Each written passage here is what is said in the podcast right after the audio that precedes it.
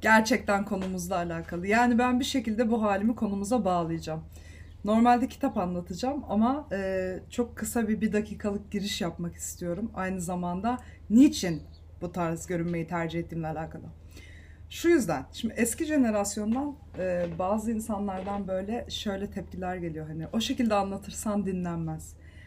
E ben de piyes giymek istesem üniversitede hoca olurdum. Yani olmadığıma göre aynı zamanda içim Berghain isterken bir yandan kendimi evde psikiyatri ve psikoloji ve sosyoloji anlatırken bulduğum için ki onu da yapmak isteyerek yapıyorum.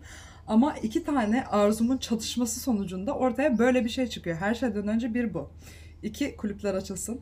Üç, üç bir insanın nasıl gözüktüğüyle ne anlattığının arasındaki bağlantıyı kuramayan kafanın artık ortadan kalkma zamanı geldi ve geçiyor. Dolayısıyla buna bir duruş olarak bilhassa böyle yapıyorum. E, dört, kırmızı lensleri Ali Express'ten sipariş ettim. Kırmızı lensi ben nereye takacağım? 5. Bölümde içimizdeki ejderhaları ve sphinxleri yani karanlık yönleri kabul etmenin önemliliğinden, önemliliğinden oldu mu? Bahsedeceğiz. O yüzden biraz dark side'ımı öne çıkarmak istedim. Dolayısıyla 5'te 5 ve başlıyorum 10. bölüm Masumiyet ve Cinayet. Bu bölümde umarım kimse kapıyı tıklatmaz ve bu bölümde şöyle e, ele alıyoruz durumu. Her zaman masumların kurban edilmesinin sebebi nedir? Niçin e, insanoğlu kendi aksiyonlarını tarihsel olarak Sphinx'lere ya da ejderhalara ya da dışsal faktörlere yüklemiştir? Niçin kurban etme diye bir şey oluşturmuştur ve bakireleri ve delikanlıları tercih etmişlerdir. Niye hiçbir zaman yaşlı yiyen bir ejderha duymayız? Gibi gibi sorunsallar etrafında aslında yinimizi ve yangımızı çözmeye yönelik konular işleyeceğiz ve arkası nasıl yani kafamın içi odam kadar. Şimdi ilk ne anlıyoruz cinayetten? Saf, masum bir insanın ya bu böyle düz ama çok filmik olan ve gerçek hayata aslında tekabül etmeyen anlamı. Gerçekten gaddar kötü bir insan geliyor. Çok saf masum bir insanı haksız yere öldürüyor. Şimdi bundan çıktığımız zaman aslında insanın psikolojik olarak bir kendini öldürme süreci var. Bir insanın katil olmasının öncesinde önce kendi ölümü gerçekleşiyor. O raddeye taşıyor duygularını. O öyle çok sıradan bir şey değil ve toplumda kayıtsızlık, e, dışlanma gibi önceki psikolojik süreçlerin mutlaka sonuna denk geliyor. Köpek çaldı kapıyı. İlla biri gelecek. E, fakat diyor Rolame şunu inceleyelim diyor. Kurban acaba kendisini kurban durumuna getiriyor olabilir mi? Biz toplumu suçlayarak topluma bir o dışsal bir şey e, atfedip kendimizi onun bir parçası saymayarak ne kadar acaba kendimizi kurbanlaştırıyor olabiliriz? Jigsaw. Rilke diye bir e, adamın bir şaire cevap niteliğinde yazdığı durum şu. Sorunları şimdi yaşa. Belki bir gün, belki bir gün cevabını da bulursun demiş. O yüzden bizim burada bulmak istediğimiz şey cevaplar değil ama doğru soruları sormak olarak algılıyorum. Bakire flörtün ötesinde acaba diyor bekaretine son verilmesi için erkeğe meydan okuyor olabilir mi? Bu bütün şeyler tabi imgeler, geçmişe dayanan tarihsel durumlar aynı zamanda. Masumiyetin yaşamı hesaptan kitaptan çok hissetme hali olarak algılaması onu kalbe bağlıyor. Yani o yüzden çocuklukta daha hiçbir şekilde ihanete uğramamışken nasıl diyeyim aldatılmamışken, şehveti tanımamışken, incinmemişken, sömürülmemişken bizim masumiyeti hissetmemiz kolay. Bu hislerden sonra masumiyetimizi korumaya devam edecek olursak saf masumiyet şeklinde tamamen gözlerini kapama var ve dünyadaki kötülüğü kabul etmeme var ki o artık bireye yaramıyor. Bir de toplumda gerçekten kötülüğün var olduğunu idrak etme var. İnsanların idrak etmeden ki masumiyeti biraz fake'e giriyor ve kendisini korumak için e, önündeki şeyleri deneyimlemekten kaçması aslında çok da takdir edilebilir bir masumiyet şekli değil. Bence takdire yönelik o bir yorum yapmamış. Ben de bu arada çok masumdum. Geçen sene başıma böyle 3-5 tane ardı ardına olay geldikten sonra kötülüğe inandım. Gerçekten kötülük yok zannediyordum. Hiç yalan söylemiyorum. Böyle bir saflık, böyle bir salaklık, böyle bir toyluk, deneyimsizlik göremezsiniz hakikaten beklemiyordum. Ve beklemediğim çok fazla kötülük oldu. Ondan sonra aydım. Şu anda mesela bilinçli masumiyetimi koruduğumu düşünüyorum. Çünkü bir yandan da masumiyetimi koruyorum şu açıdan. Duygularıma bağlantılı olmam, işte kötü bir şey beslememeye çalışmam, beslememem, yani çok da siklememem aslında bir yandan. Ama yani o insanlarla bir e, kötülük ya da kızgınlık ya da kıskançlık düzeyinde ilişki kurmamaya çalışıyorum. Çok gündemimi almıyorum. E, bu biraz bencillik ve narsizmin sağladığı belki sağlıklı masumiyet. Ama hani tam onun demek istediği yerde miyim bilemeyeceğim. Ee, televizyon ve kitle iletişim araçları bizim bir şekilde olaya katılmamıza sebebiyet verdiğinden hiçbirimiz aslında çok da masum değiliz. Camus nefes almak yargılamaktır lafıyla geçmişte buna benzer bir şey söylemeye çalışmış. Yani istesek de istemesek de artık bu düzende bir şekilde parçası oluyoruz. İzleyerek bile ona katılım sağlamış oluyoruz. Şöyle bir e, Yevtushenko diye bir şair var. İki tane kıza şiir yazmış. Bir tane olay oluyor. Alison Krauss kızın adı. Kız polislerin işte silahına çiçek takıyor. Bu çok sembolik bir olay zaten. Ondan sonra şunu bile düz sürememiş miyim ya?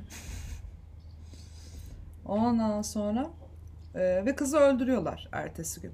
Ama aynı zamanda Vietnam Savaşı'nın olduğu seneler bunlar ve adam okuyabilirdim şiirleri okumayayım. Bir tanesine hani sen çiçeklere inandın o yüzden öldürüldün. Diğerine de öbürü diyor ama tarladan diyor toplarken çiçeğin dikenli olduğunu bilerek toplardı. Halbuki bir Vietnamlı kız diyor. Neye dikkatimizi çekiyor? Hiçbir şekilde kötülüğün varlığından haberdar olmayan Alison'la öğrenci olan savaşı görmüş diğer kızın bilinç, farkındalık ve kötülüğü tanıma olarak farkları. Hani aynı şekilde uzak kalabiliyorsun şiddetten ama bir tanesinde bilerek ve ne olduğunu e, görerek kalmak var. Diğerinde ise çok e, beyhude aslında kendini bile yok edebilecek bir seviyede bir reddediş var dünyadaki kötülüğü. İsa bile havarilerine dış dünyaya yollarken demiş ki yılan kadar akıllı güvercin kadar masum olun. Burada e, masumiyet ve deneyimin birleşmesine yönelik bir birliktelik. yılan e, deneyim güvercinde masumiyet sembolizasyonu olarak umulan sosyal davranışın temelinin bu olduğundan bahsediyor aslında İsa tarafından, havarilerinden ve insanlardan.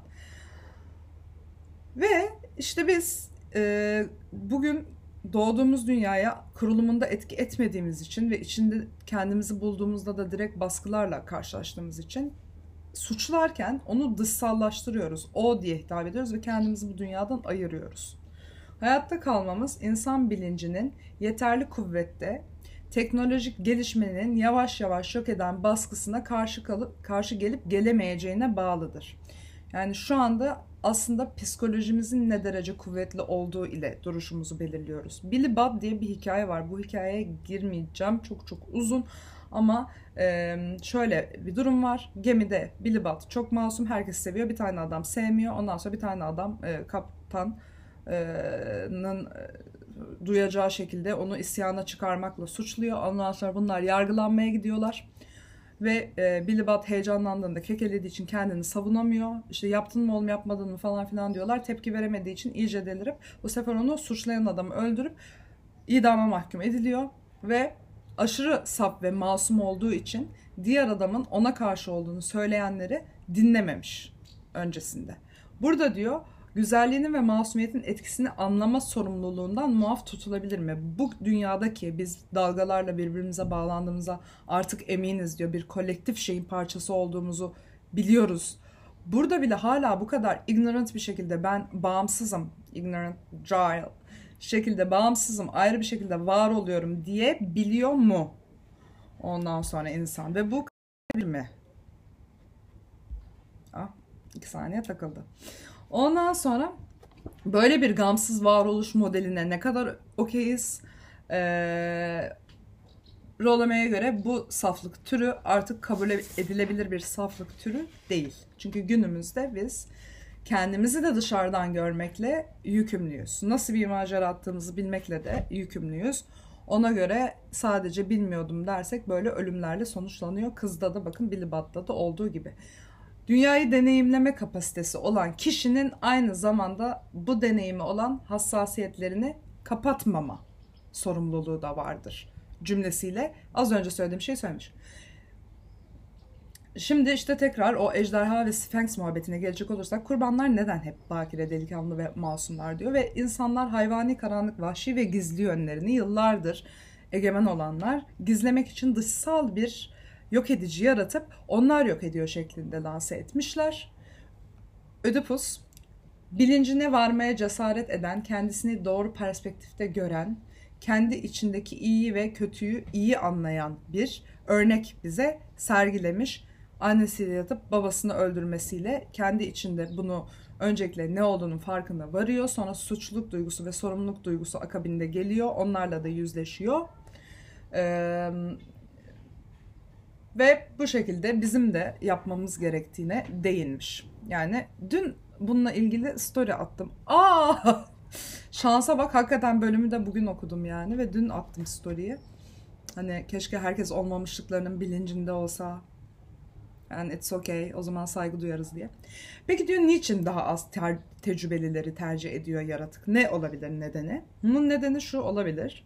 Onlara tecrübe sunarak kendi öz saygınlığını arttırmak.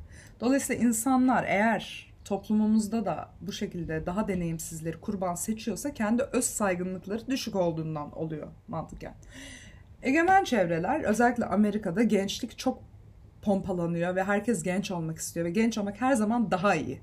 Kıskanıyorlar ve korkuyorlar diyor gerçekten. O yüzden eski karar mercileri gençliği daha e, kurban edebilecekleri konumlar yaratıyor. Mesela savaş gibi günümüzde ne gibi bilmiyorum. Ama aslında günümüzde de olmadı mı ya? Bir şekilde şu an bütün ülkeler için demiyorum ama yani biz jenerasyon olarak feda edilmedik mi? Şu an borumuz ötüyor mu? Fikrimiz geçiyor mu? Ne olduğumuzu hiçbiri anladı mı? Y jenerasyonunun ne olduğunu haberleri var mı? Y bile eskidi X geliyor. Y, ay Z geliyor. Sonuç olarak X ile ben çok zorlanıyorum. En büyük çatışmam da zaten X. NATO kafa NATO mermer ya hepsi mi birbiriyle aynı olabilir? Memur. Ondan sonra masumiyeti aşmak güdüsü ama diyor Rolomey insanda büyük ihtimalle olan bir güdü. Çünkü bir an önce o kurban edilebileceğimiz yaşlardan uzaklaşıp tecrübeli yaşlara geçmek istiyoruz. Bu herkesin içgüdüsü olarak var. Mesela cinsel deneyime hızlıca hazırlanmak, atlamak, hazır bile olmadan belki tecrübelemek, deneyimlemek, tecrübeli falan böyle bir güdü güdü şeklinde ele almış yani bu deneyim yaşama olayını. Ve e, işte farkındalık ve şefkat sağlayabilecekken daha mesela hazır bir yaşta olsa önceden yaşandığında bazen bodoslama başına ne gelirse yol açabiliyor. Ejderha ve Sphinx'i yatsımak içimizdeki ve dünyamızdaki kötülüğe ulaşmamızı zorlaştırır sadece. E bunun da varlığı aşikar olduğuna göre ulaşmazsak savunmasız yakalanırız. Gardımızı alamayız. Benim başıma gelenler gibi.